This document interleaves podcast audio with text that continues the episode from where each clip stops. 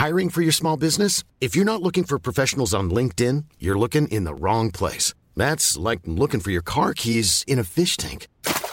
LinkedIn helps you hire professionals you can't find anywhere else, even those who aren't actively searching for a new job but might be open to the perfect role. In a given month, over 70% of LinkedIn users don't even visit other leading job sites. So start looking in the right place. With LinkedIn, you can hire professionals like a professional. Post your free job on linkedin.com slash people today. Quality sleep is essential. That's why the Sleep Number Smart Bed is designed for your ever-evolving sleep needs. Need a bed that's firmer or softer on either side? Helps you sleep at a comfortable temperature? Sleep Number Smart Beds let you individualize your comfort so you sleep better together. JD Power ranks Sleep Number number 1 in customer satisfaction with mattresses purchased in-store. And now, save 50% on the Sleep Number limited edition Smart Bed for a limited time. For JD Power 2023 award information, visit jdpower.com/awards. Only at a Sleep Number store or sleepnumber.com. A lot can happen in three years, like a chatbot may be your new best friend. But what won't change? Needing health insurance. United Healthcare Tri Term Medical Plans, underwritten by Golden Rule Insurance Company, offer flexible, budget friendly coverage that lasts nearly three years in some states. Learn more at uh1.com. Vi är denna vecka sponsrade av Indie Beauty. Och Sofie, det här tycker jag är extra fint och extra roligt. Ja men Indie Beauty är ju ett skönhetsvarumärke som jag tror att väldigt många känner till, men det jag älskar mest det är att Indie Beauty liksom vill vara mer än bara produkter, vilket de ju också är. Exakt. Indie Beauty står ju för Independent Beauty, skönhet på dina villkor och för din egen skull. Och Indie Beauty tror ju stenhårt på ett alternativt skönhetsideal fritt från måsten, skam och känslor av otillräcklighet. Där är jag helt med Indie Beauty. Jag med. Det är så jag vill att skönhet ska vara. Ja men verkligen. Och vet du vad som är nytt för i år Sofie? Berätta. Från och med i år så skänker Indie Beauty 1% av sin försäljning till Suicide Zero, Tjejzonen och Djurens Rätt. Så när man handlar produkter från Indie Beauty så kan man liksom känna att man också ger tillbaka till samhället. Ja, kraften i tillsammans. Ska jag säga en sak nu då, Mm. som jag, det, men det är detta jag är extra glad över. Nu har Indie Beauty tagit fram en keps och den tycker jag ändå så på sommaren, skyddar sig från solen. Jättebra, jag älskar kepsen. Men det bästa, de bidrar till Suicide Zeros viktiga arbete för att minska antalet självmord och självmordsförsök.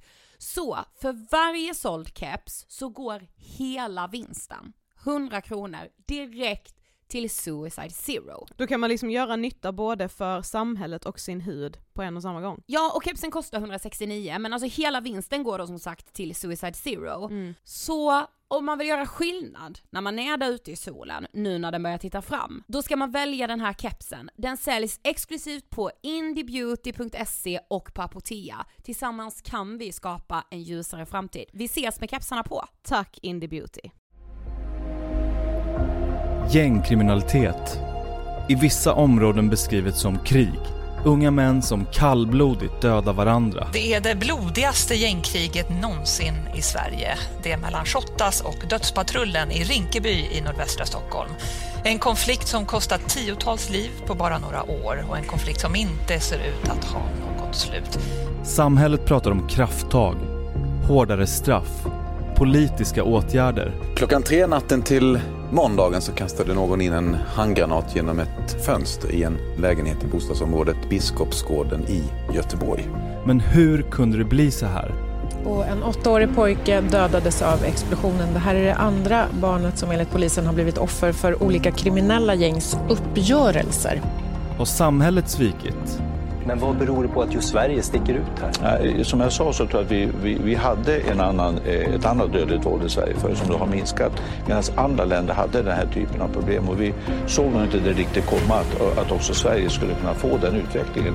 Mm, idag kom alltså beskedet från domstolen i Danmark att eh, Dödspatrullens ledare, 22-årige Mohammed Ali, är skyldig till dubbelmord och mordförsök enligt dansk domstol. Vad händer med syskon, föräldrar och vänner som förlorar sina älskade i rena avrättningar? Hur lämnar man kriminaliteten för ett liv utan dödligt våld? Och vad händer med tryggheten för medborgare som blir vittnen till skjutningar som inte verkar ha ett slut? Du lyssnar på den serie Vi måste prata om gängkriminalitet. Och idag träffar vi Fatima, en mamma boende i Järva som fått nog av det dödliga våldet. Hej på er och välkomna till avsnitt 359 av Ångestpodden och tillbaka till vår serie om gängkriminalitet och del 4 alltså i serien. Jag vill bara säga att ni lyssnar på två vinnare av Guldpodden Yay! 2021. Otroligt! Alltså vi vann årets hälsa och träningspodd. Ja. Och jag vill bara säga tack, tack, tack, tack. Alltså i onsdags förra veckan när vi vann, alltså jag var liksom, jag hade gråt i halsen hela dagen. För att jag var så berörd, så tacksam att Ångestpodden typ får ta den platsen i en sån kategori också. Precis, det var det jag typ med kände att så här, väldigt fint att de tre mest röstade poddarna i den kategorin, nu vann vi, men de två andra eh, var ju också alltså psykiska poddar. Ja. I en sån kategori som träning och hälsa, så det är så Ah. fint att just den psykiska hälsan får ta den platsen för vi behöver ju prata mer om helhetshälsa. Verkligen. Och det är ja, jävligt fint. Och vi är, ah, nej men vi är så otroligt tacksamma, alltså ni är fantastiska som vill liksom rösta fram oss. Ja, tack, det ville vi bara börja med idag. Ja. Men som sagt, vi måste prata om gängkriminalitet är tillbaka Yes. och denna veckan så blev det väldigt eh, känslosamt, viktigt. Eh, jag har nog aldrig känt så tydligt att politiker måste lyssna på veckans avsnitt. Mm, verkligen. Alltså jag är väldigt, väldigt eh, glad och stolt att vi fick till det här avsnittet med vår otroliga gäst som vi har med oss idag. Vi är denna veckan sponsrade av Thais. Det är vi och har du klimatångest? Nej men det har jag ju definitivt, det känns omöjligt att inte ha det. Mm. Alltså eller vad känner du? Ja men jag känner väl framförallt att den blir ganska påtaglig i de här månaderna kring jul för att det också är väldigt mycket konsumtionshets och man ska handla väldigt mycket både till sig själv men också till andra ju. Du, Thais har ju liksom presenterat statistik för oss Mm.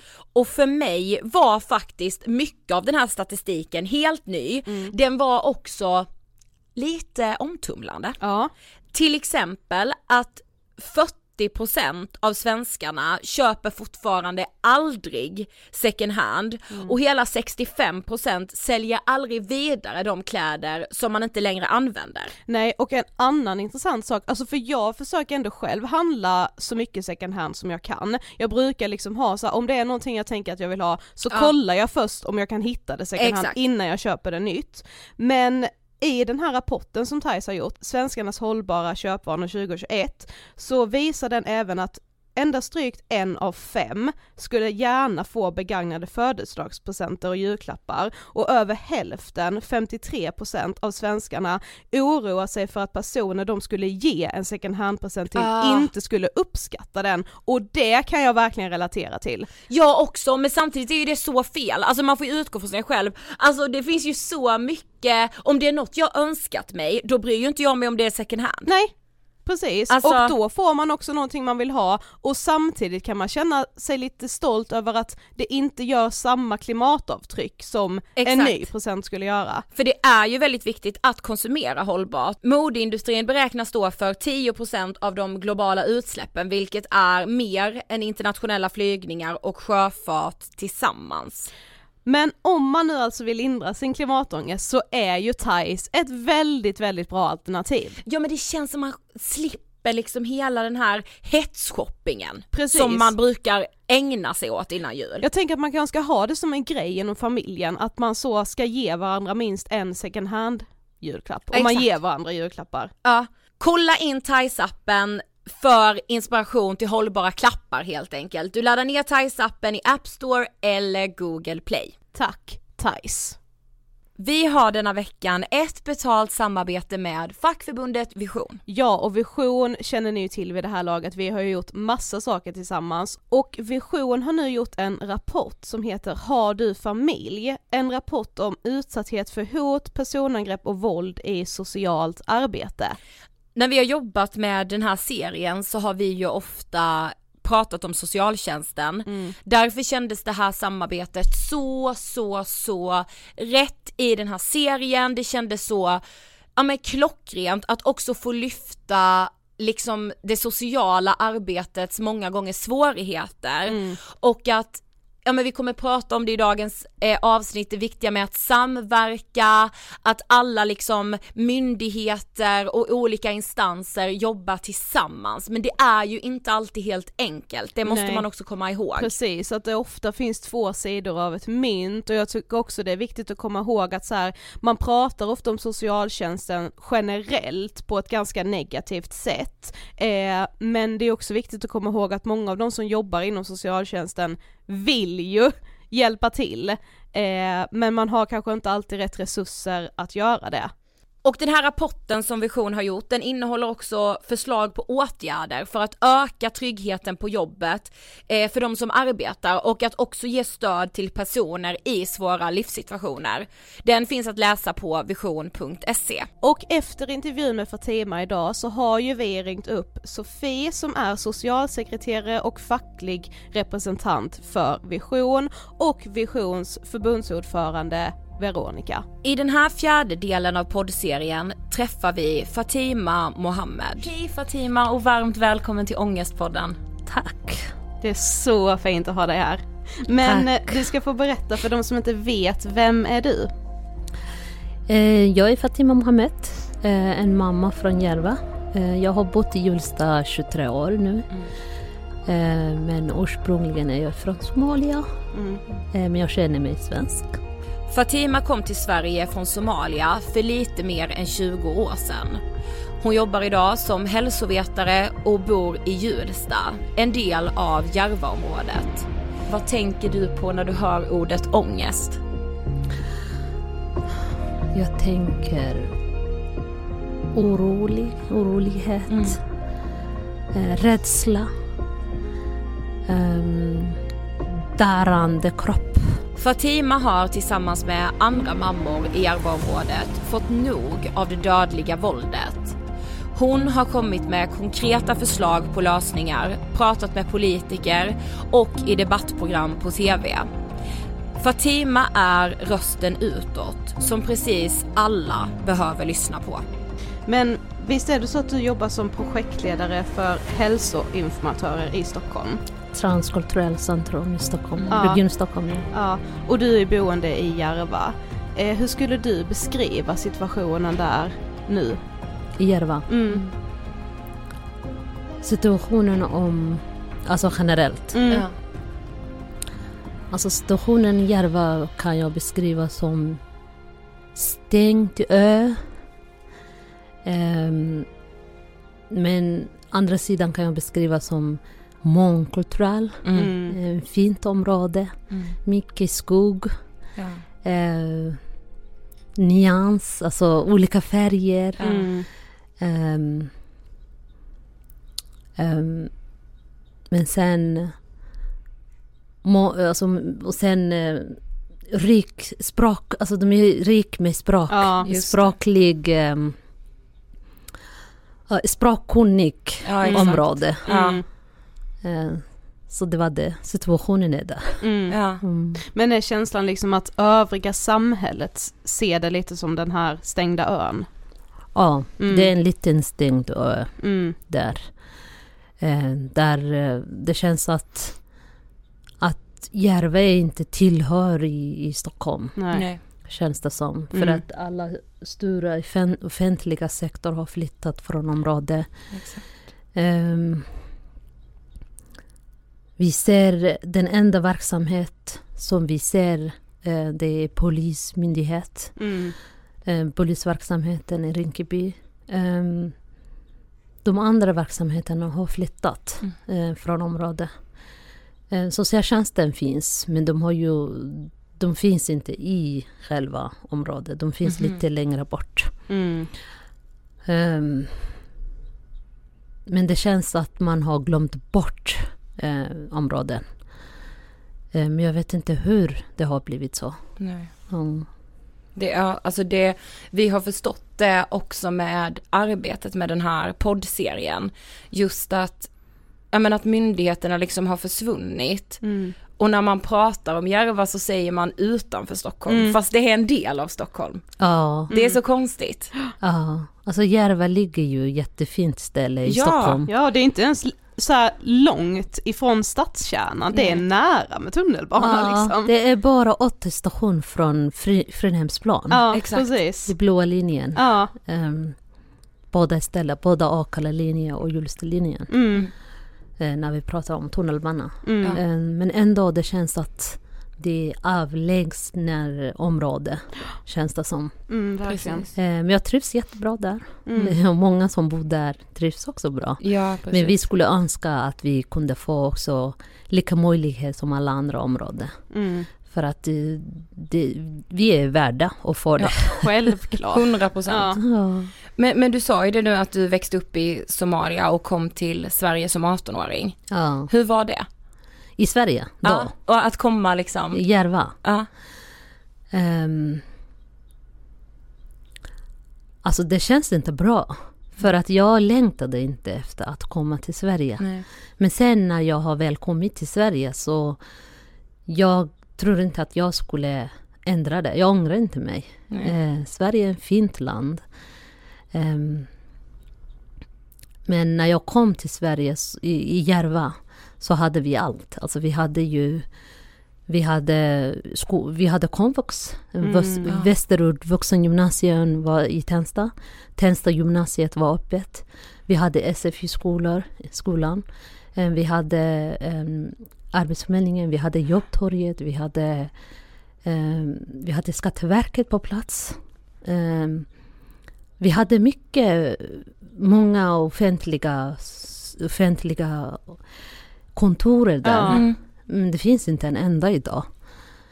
Eh, alltså jag kommer ihåg eh, när jag kom från skolan så kunde jag komma förbi till Arbetsförmedlingen och prata med en handläggare där. Ja. Och, och fråga om det finns nya jobb idag. Eh, om, eller om jag kan få hjälp med att skriva CV eller Ja. förbättra min CV.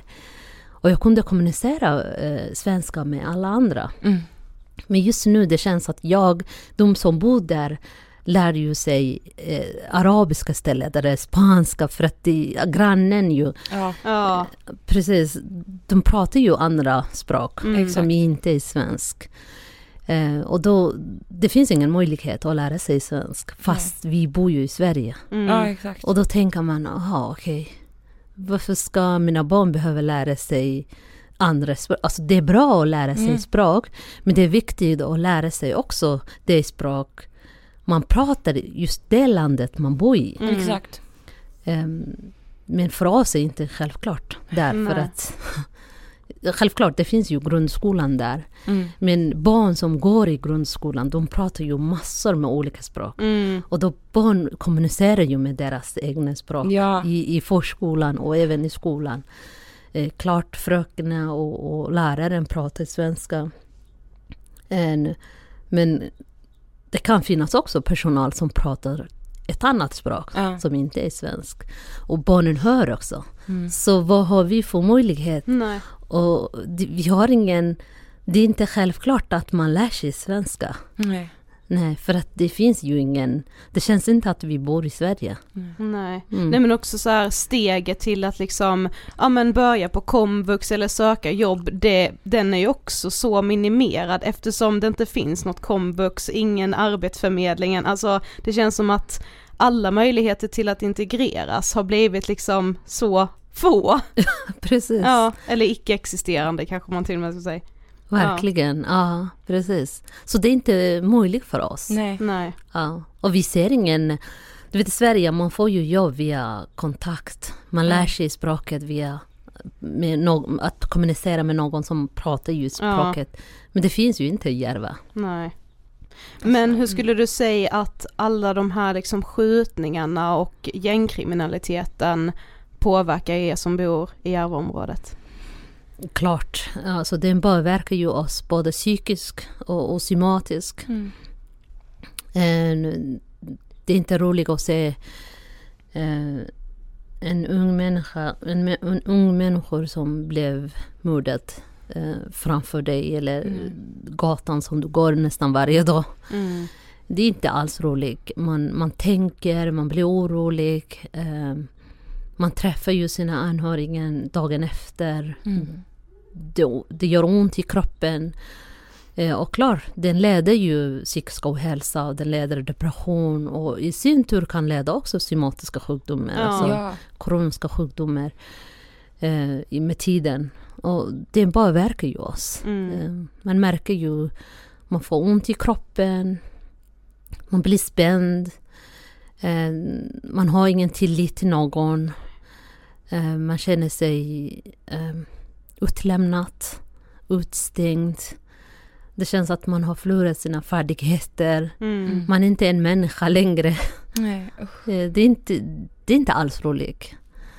Eh, Och tänk dig alltså, en människa som inte ens kan svenska och kan kommunicera med läkaren. Nej. Mm. Man måste ju boka en tolk. Exakt. Eh, och sen man kan inte säga allt till tolken för att man har ju ingen tillit till, till den. Kanske Nej. den tolken... Eh, I och för sig, tolkarna har ju tystnadsplikt också, Just precis det. som läkare. Men eh, man, den människan som inte kan svenska vet inte vad tystnadsplikt Nej, innebär. Och, Just det. Mm. Så, och, då, och då man blir rädd. Man säger inte allt. Eh, Man säger en, en, liten, en liten dropp av problemet. Mm.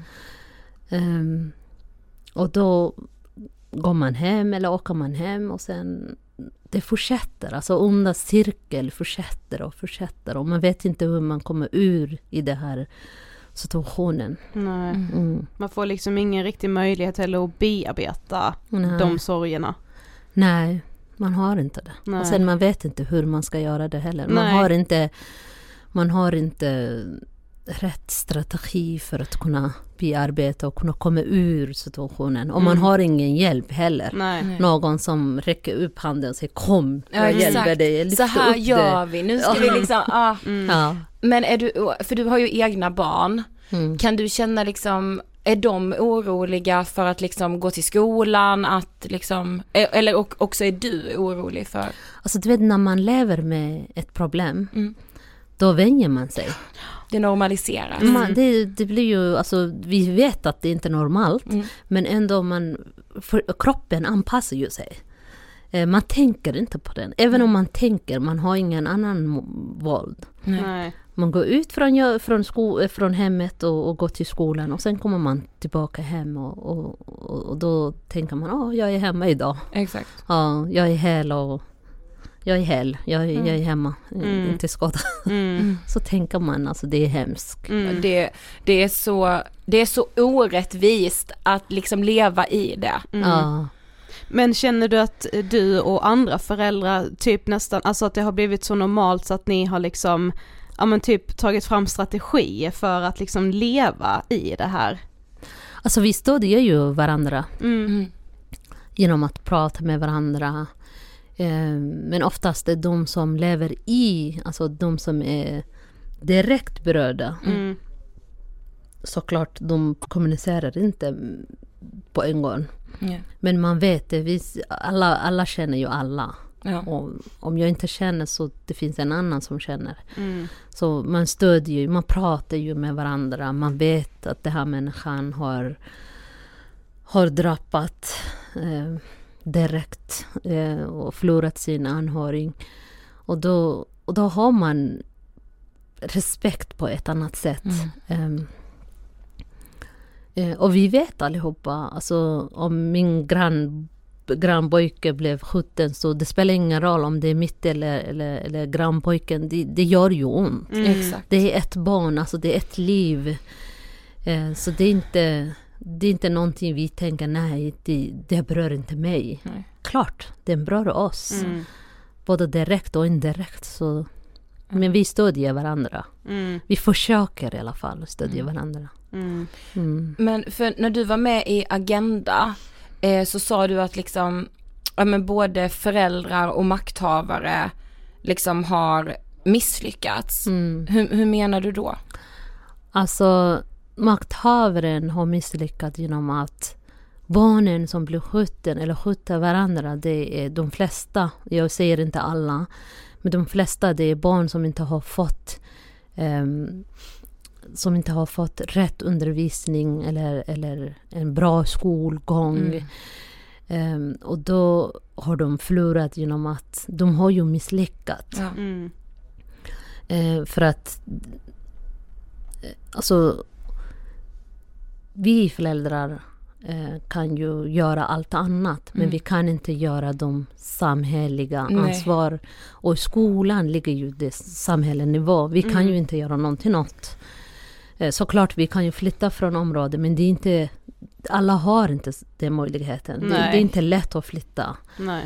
Ehm, och vi föräldrar har förlorat för att vi...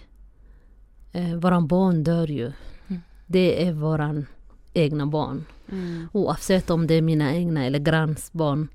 Det spelar ingen roll. Det är, och sen makthavaren har också förlorat för att de barn som har som har, som, som har dött, de är ju svenska medborgare. Exakt. Det är en svensk medborgare som dör nästan varje månad. Ehm, och det... De har ju förlorat. Ja. Mm. Mm, och det är unga. Ja. Unga människor. Alltså det är framtids... Det, Ja, det är svenska framtids. Ja, precis. Ja, Mm. Verkligen. precis. Men i Agenda så säger du med att eh, det är viktigt att makthavarna och eh, föräldrarna samarbetar. Mm. Hur tänker du att, eh, alltså vad är det för typ av samarbete liksom? Alltså det är, viktigt, det är viktigt att samverka genom att, eh, att föräldrarna får... Eh, att föräldrarna kanske kommer till skolan och, och samarbetar med läraren. Att läraren kommunicerar med föräldrar och talar om för ganska tidigt om det, går, om det inte går bra för ett för, för, en barn, för Mm. ett barns eh, fram, alltså skolgång. Just det. Så att man kan, och, och föräldrarna kommunicerar med, med, med skolläraren och, och, och man kan samarbeta genom att det, här, att det ska gå bra för det här barnen. Ja, exakt. Eh, För att de, har ju samma syfte. Alltså en Ja. lärare vill att det ska gå bra för, för, för eleven. Mm. Och en, en förälder vill att det ska gå bra för sina barn. Ja. Så de har ju samma gemensamma Mm. mål. Mm. Så det är viktigt att de samarbetar. Och sen andra sidan att föräldrarna också, vi är ju aktiva men att vi, att vi blir mer aktiva, att vi syns ute, att vi vandrar. Att vi också var öppet med socialtjänsten ifall, ifall vi har problem så att vi kan gå till socialtjänsten och, och lita på. Mm. Och att socialtjänsten, personalen i socialtjänsten också visar oss eh, att vi kan lita på dem Mm. eh, visar oss med medmänniska. Att det är ingen skillnad jag och Ida. Mm. Även om vi inte har samma färg så, så har vi lika eh, rättigheter. Ja. Exakt. Eh, Och samma värde. och samma Mm. värde. Ja. Så att, vi, att, att jag får samma bemötande som, som du får. Exakt. Mm. Eh, att jag känner mig välkommen, att jag kan bli avslappnad, att jag kan prata, att jag Ah. kan säga jag behöver hjälp. Ja. Eh, mitt barn har inte kommit tre nätter i, hemma. Och jag vet inte vad han gör där ute. Hur ska jag göra? Och att vi kan bli öppet också för polisen. Exakt. Och vi kan lita på polisen. Eh, och, och kan säga du kom hem till mig. Jag, jag känner mig orolig. Mitt barn kommer klockan två på natten. Jag vet inte vad han gör där ute. Mm. Eh, och sen fältassistenten också samarbetar med föräldrar. Att de har telefonnummer varandra och ringer. Och, du, ditt barn är här ute. Mm. Eh, ska vi hämta han hem? Jo, självklart. Utan att mamman blir, eller pappan blir arg eller Ja. Mm. irriterad. Så att man, kan, sam- att man kan lita på varandra. Att man kommer närmare till varandra. Mm. Eh, så att, och att, att man eh, öppnade igen de offentliga sektor som vi hade i, i, i, i Det- området Exakt. Att man känner sig hemma, att man, att man känner sig inkluderad, att Ja. man känner sig delaktig. Så Mm. att vi kan få empowerment igen. Mm. Exakt. Eh. För det tänker jag, men det är ju så viktigt att så här, alla som bor i Järva måste ju känna sig lika delaktig som om man bor i Täby liksom. Mm. Det kan inte vara skillnad. Nej. Precis. Mm. Och du vet, jag läste folkhälsovetenskap och det finns Mm. ju någonting som kallas eh, sociala, eh, sociala bestämningsfaktorer. Mm. Eh, och där uppe så är det samhälleliga. De samhället, det, det, blir ju skolan, Exakt. det blir ju arbete, det blir ju boende, område. Mm. Och sen nere är det eh, skolan igen. Mm. Skolan och, och sen under är det ärftliga och... Ja, just det. Precis. Så det finns ingenting som funkar där. Nej. Det samhälleliga funkar inte för att allas offentliga, uh, offentliga sektor har flyttat från området. Och sen skolan funkar ju inte. Arbetslösheten är jättehög. Mm, mm. Eh, boenden funkar inte för att det är så trångt. Det är så dyrt också. Exakt. Folk har inte råd att, att betala. Föräldrarna är oroliga om de kan bli av kontrakten eller inte. För att om du inte betalar en månad så, så har du inte möjlighet att bo kvar där. Nej. De flesta har ju inte. Uh, och det är mycket som är konstiga i det hela. Mm. Ja men jag förstår ju med om man liksom tappar, alltså om det växer ett misstroende, missförtroende. Hej, jag Ryan Reynolds. At Mint Mobile, we like to do the opposite of what Big Wireless does. They charge you a lot, we charge you a little. So naturally, when they announced they'd be raising their prices due to inflation, we decided to deflate our prices due to not hating you.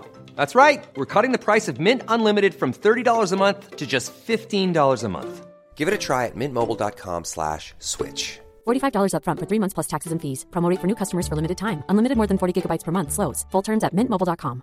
Hiring for your small business? If you're not looking for professionals on LinkedIn, you're looking in the wrong place. That's like looking for your car keys in a fish tank. LinkedIn helps you hire professionals you can't find anywhere else, even those who aren't actively searching for a new job but might be open to the perfect role. In a given month, over 70% of LinkedIn users don't even visit other leading job sites. So start looking in the right place. With LinkedIn, you can hire professionals like a professional. Post your free job on linkedin.com slash people today. Here's a cool fact. A crocodile can't stick out its tongue. Another cool fact you can get short term health insurance for a month or just under a year in some states. United Healthcare short term insurance plans are designed for people who are between jobs, coming off their parents' plan, or turning a side hustle into a full time gig. Underwritten by Golden Rule Insurance Company, they offer flexible, budget friendly coverage with access to a nationwide network of doctors and hospitals. Get more cool facts about United Healthcare short term plans at uh1.com. förtroende mot alla myndigheter också, att man inte litar på dem eftersom så här, ja men alla har ju flyttat härifrån, varför skulle ni vilja hjälpa så skulle ni ju vara på plats. Mm, precis. Alltså, hur ska man Vad gör du här typ? Ja, precis. men du sa också en så stark sak i eh, Diamants dokumentär Våra barn dör. Mm. Där du sa att många föräldrar har kommit hit för att de har flytt från ett krig. Mm. Men de kommer hit till ett annat krig. Mm. Var, alltså, var, det var så starkt när du sa det, vad tänkte du? Alltså du vet de flesta som bor där har ju flyttat för att från ett land eh, som har inbördeskrig eller mm. krigar med ett annat land. Mm. Alltså de flesta som bor där kommer ju från Asien, från Afrika. Um, och de flesta kom dit på grund av att det är krig i deras hemland. Och sen när de kom till Sverige så har de hamnat i ett område där krig är också vanligt. Mm. Där skottlossningen sker, mm. där de ser en tungt beväpnad polisman, där de ser unga som blir jagade av polisen.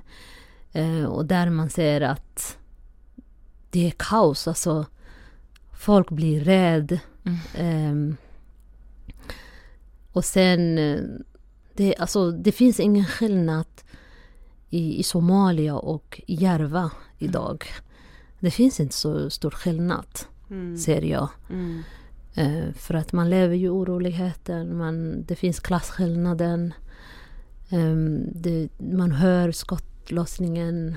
Man begraver en människa som har blivit mördad av en annan. Man vet inte vem som har mördat. Uh, familjen sörjer, grannen sörjer, skolpersonalen sörjer. Um, centrum, personalen sörjer för mm. att de mm. har ju sett den människa som handlar där. Och alla sörjer och alla lever oroligheten. Många äldre vågar inte gå ut för att de mm. vet inte, de kan ju inte springa. Mm. Eh, jag tänker ju också De som, har, eh, de som sitter i rullstol, Ja. de är också rädda. Mm. Eh, För att de, kan, alltså de flesta andra människor som är friska och starka kan ju springa. Exakt. Om det sker en, en, en, en, en skottlossning. Men de kan ju inte, alltså de som sitter i rullstol och de äldre kan ju inte springa. Nej. Så de väljer istället att vara hemma. Och vad Mm. händer om man inte får den sociala... Nej, exakt. Nej men då mår man ju så dåligt. Om man isolerar, alltså. Man isolerar sig, eh, man känner sig ensam, Mm. ehm, man har ingen man har ingen kontakt med grann, det finns ingen grannsamverkan. Nej. Nej. Mm, Det är instängt. Mm. Så det är det jag menar ju. Mm. Men upplever du att om man som förälder vill ha hjälp, att man vet vart man ens kan vända sig? Alltså man, det beror på. Vissa vet, vissa vet inte. Mm. Och sen vissa vet men de är rädda. Mm. De tänker att situationen kanske kommer att bli förvärras. Okej. Eh, kanske det kommer att sluta så att, de tar, att, att socialtjänsten tar mina barn. För att det finns ju ibland när socialtjänsten tar barn från en familj så någon filmer och den filmen Ja. sprider man till sociala medier och sen man ser ju barn som skriker och Exakt. föräldrar Mm. som som är förkrossade och, och, Mm. och gråter och sen polisen är där och, och håller i, i, i föräldrar och Ja. socialtjänsten tar barnen. Ibland man kan ju se, det var inte så länge sedan jag såg en, en kvinna som födde barn i förlossningen. Eh, s- Det var en, em, en tolk, en polis och en socialtjänstperson som kom och tog barnen. Förstår du? Tolken Ja. tolkar till mamman. Man har precis, hon har ju fått barnen för, för kanske en timme sedan. Gud. Eh, eller en månad sedan. Och, och sånt, och, och den gör i sin tur att man blir rädd. Att man blir jätterädd. Mm. Man blir jätterädd. Man vågar inte, även om man behöver hjälp, Mm. man vågar inte gå till socialtjänsten och be hjälp om det. Nej. Så jag tycker det är jätteviktigt att man återbygger den Exakt. eh, Förtroendet. förtroenden Mm. och tilliten. Mm. Eh, och det tar tid. De kan, de, det kommer att inte vända genom en månad eller ett Nej, år. nej. Det, tar, det, det tar sån tid. Precis. Mm. Men man måste börja och liksom återskapa ja. det. Ja. Ni är ju så många mammor, alltså ni mammor känns liksom som hjältar just i Järva som har försökt liksom uppmärksamma detta, ni pratar om detta, ni har liksom tagit krafttag på det sättet som ni kan. Eh, till exempel då genom att nattvandra som du nämnde. Men vad tänker ni liksom, vad behöver göras mer från samhället? Förutom då till exempel att återinföra myndigheterna på plats. Alltså jag personligen skulle behöva till exempel, personligen, alltså generellt. Ja, Mm, mm. Jag skulle tänka att, att det behövs till exempel i skolan att det finns en extra resurslärare som finns eh, ute i gården, i Mm. skolgården. Mm. Ifall en lärare slänger ut en, en elev från, från lektionen så alla andra eleverna får lugn och ro och, Mm. och tar till sig eh, genomgången. Ja. Eh, så att det finns en, en resurslärare där ute som tar emot det här barnet. Eh, och undervisar lugn och ro istället och Mm. pratar och sysselsätter. Exakt. Jag vet inte om alla skolor har. För att det är sådana barn som, som, som går snett i senare. Mm. Och sen skulle jag behöva också att, eh, att, eh, att fältassistent arbetar tillsammans med föräldrar. Mm. Och att polisen också utbildar eh, föräldrar som kan jobba polisvolontärer. Ja. Mm, mm, mm, Den mm. utbildningen behöver ju de. Mm. Och sen att eh, polisen, socialtjänsten, en familjerådgivare, eh, familje, alltså familj, familjeenheten Mm. generellt, eh, grundskollärare eller grundskolan eh, ansvariga kommer att utbilda föräldrar. Att Mm. man ger olika, si- alltså, här Siri ehm, Ja. eh, som föräldrarna kommer och, och, och, och, och få informationen. Mm. Precis. Mm. På så vis samverkar man. Mm. Och sen att grannen också samverkar. Eh, så alla tar, alla blir delaktiga i barnuppfostran. Mm. Mm. Om jag ser ett barn som röker vattenpipa i min gård så att jag kan komma fram och säga du, sluta, det här är, gå till skolan istället. Mm, ja. Eh, eller gå hem, Exakt. Rök inte här. Om Mm. alla gör ju samma sak. Jag tror, och skrämma bort, bort barnen som Ja. finns där ute i gården. Exakt. Jag tror det skulle hjälpa. Mm. Mm. Men vi har också tolkat det som att många har en väldigt stark misstro till media. Varför tror du att det är så? Du vet medien, de, de, är inte, de är inte tillgängliga på plats. Det finns Nej. ju, vi har ju vi har ju våran eh, lokal media, till Mm. exempel Nyhetsbyrå Järva. Ja, Mm. precis. Precis. Ehm, de finns, de har vi tillit. Mm. Förstår du? Ja, Alltså, för vi de kan är ju- där hela de tiden. är där, där. Mm. Och sen de publicerar det vi vill att de ska publicera. Mm. Ja, De ändrar inte. nej. De har ingen egna vär- värderingar, såklart har de, men Mm. de gör inte utan, med, utan att de frågar oss. Mm. Och sen de andra medien kommer ju bara när det händer. Ja. Och när det händer, alla sitter ju i högtillstånd. Vem vill prata? Och då Mm. tänker man, vem är du som Ja. stickar? Ja. Såklart. Ja. Att liksom, Så det är viktigt också att de kommer till, till en plats och, och pratar med, med människor och, och bygga upp tilliten och bygga Mm. upp relation. Mm. Och jag tänker också lyfter det som faktiskt är bra, för det är det som eh, Nyhetsbyrån i Järva gör så bra, de lyfter ju även när det händer bra saker, liksom Ja. nattvandring och ja, men Ja. allt bra som Precis, sker också, inte bara så här, nu är det ännu en skjutning. Nej, nej. Nej. Alltså de är alltid där. mm. Eh, och eh, till exempel corona, när, när 2019 mars, Mm. den 15 mars.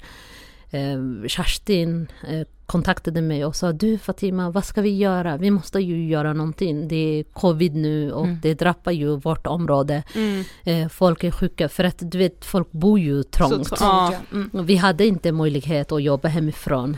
Eh, vi hade inte möjlighet att ha sociala distansering. Och då sa hon till mig, men ja, vi måste ju göra någonting. Och då har jag översatt, eller har jag... Jag har, eh, jag har översatt de heter det, information som Ja, kommer från ja, myndigheten mm. på somaliska till exempel. Ah, så de hade så också bra. på, på arabiska. Mm.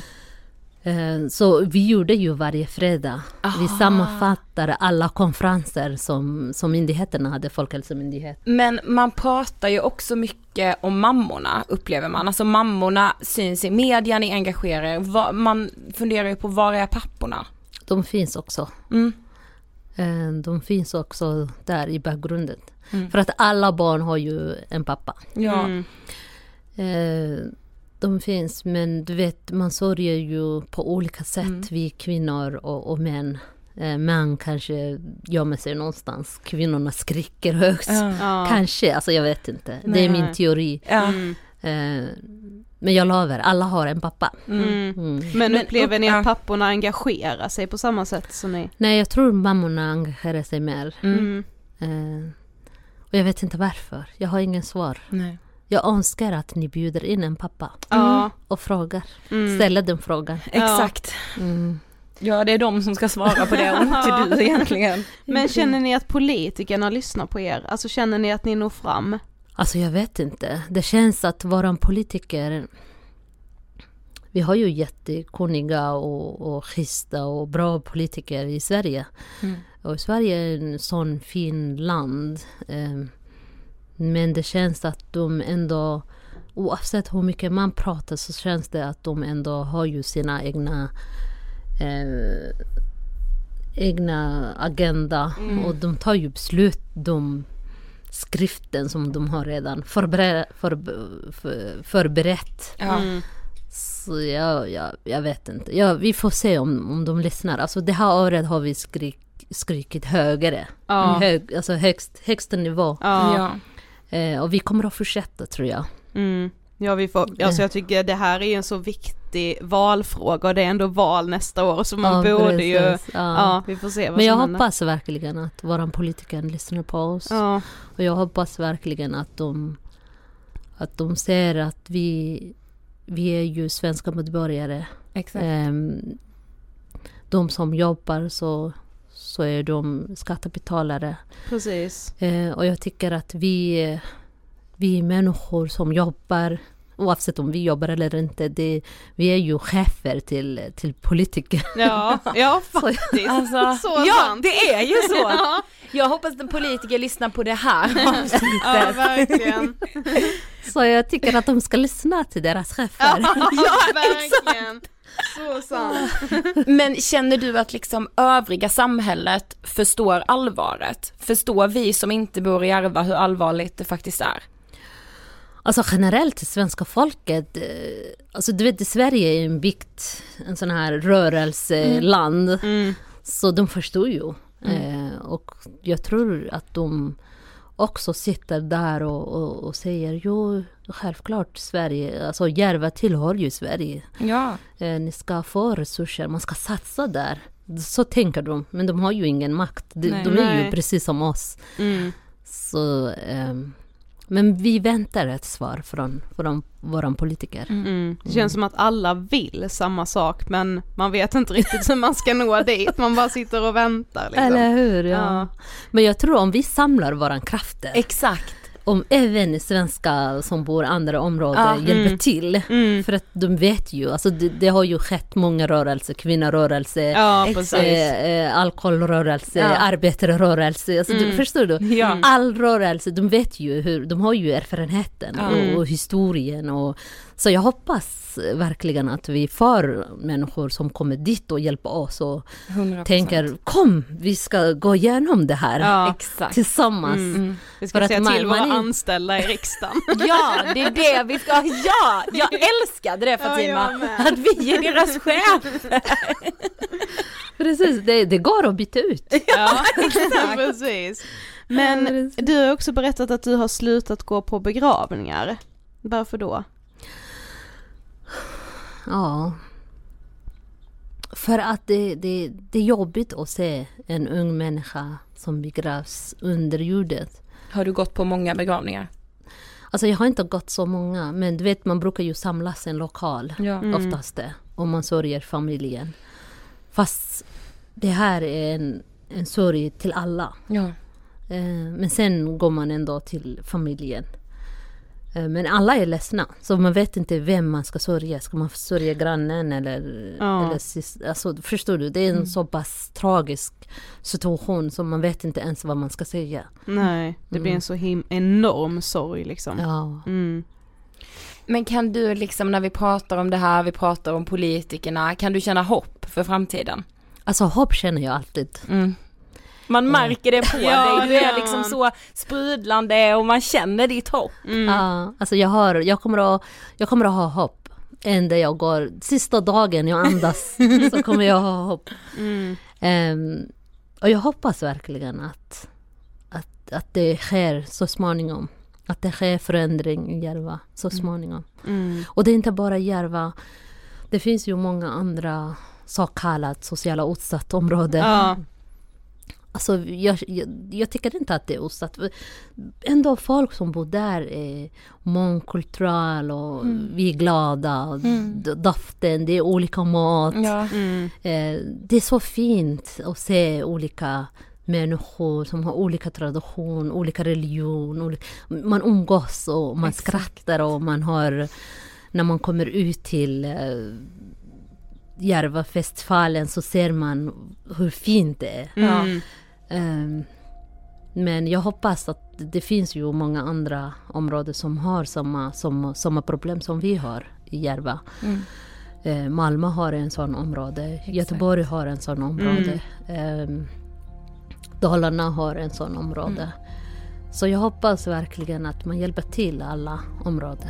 För att varenda liv som, som, eh, som begravs är ett liv som Sverige har förlorat. Mm. Ehm, och jag hoppas att det, det sker förändring så snabbt som möjligt. Jag också. Då har vi kommit till sista frågan. Vad inspirerar dig? Vad inspirerar mig?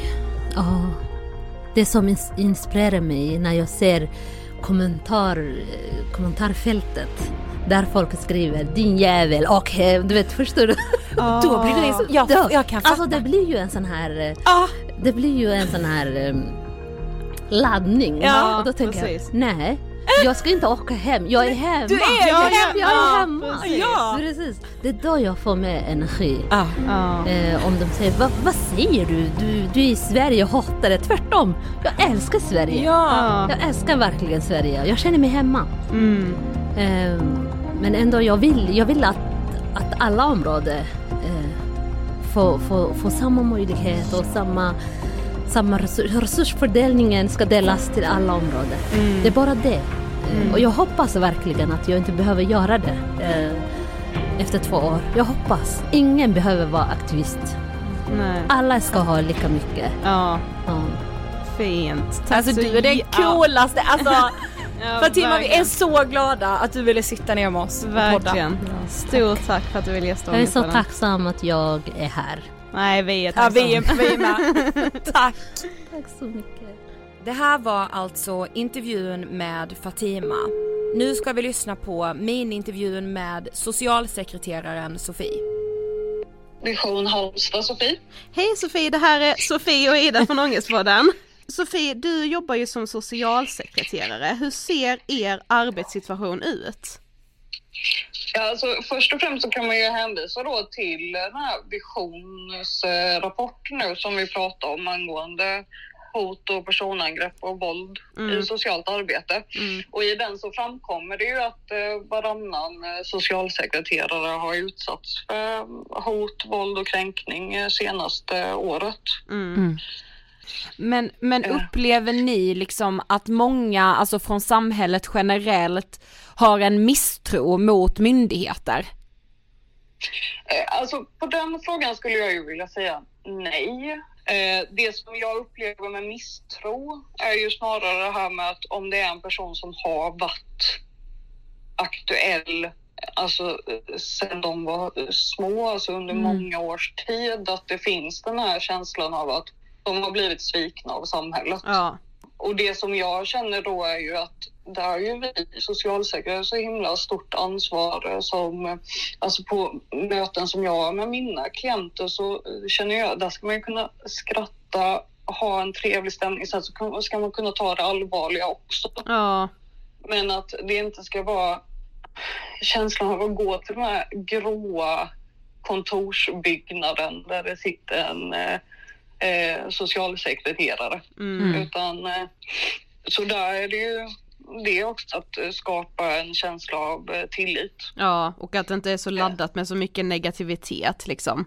Precis. Mm. Men i den här rapporten så är det ju många som har angett att, alltså inom socialtjänsten att man blir utsatt för mycket hot i arbetet. Vad kan Mm. hoten bestå av och vad kan en utlösande faktor vara för att ni får ta emot hot? Alltså precis som jag tidigare nämnt, att vi, vi träffar ju människor som är i särskilt utsatta situationer. Mm, Eh, och då hot uppstår ju när en individ mår väldigt dåligt. mm, Ehm, och eh, sen så sammanfattningsvis så eh, kan ju en utlösande faktor vara då att eh, alltså beslut fattas av oss social, inom socialtjänsten som leder till att den enskilde då agerar hotfullt och ibland då med, även med våldsinslag. Och det kan ju både vara att man beviljar en insats som individen inte vill ha eller att man eh, avslår en insats. ja. Men vad skulle du säga, vad behöver ni för åtgärder för en tryggare arbetsplats? trygg arbetsplats. Där känner jag för min del att jag har kunnat stanna kvar ändå i fem års tid nu på, inom socialtjänsten. Det handlar ju om det kollegiala stödet. Mm.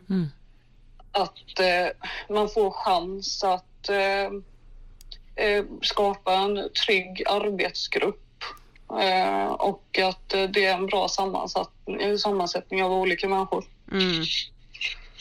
Eh, sen så en sån enkel sak också som att eh, genomgång av de personlarmen som finns, att alla får testa på, eh, alltså att trycka på den här knappen och veta hur hårt man ska trycka. Alltså, Mm.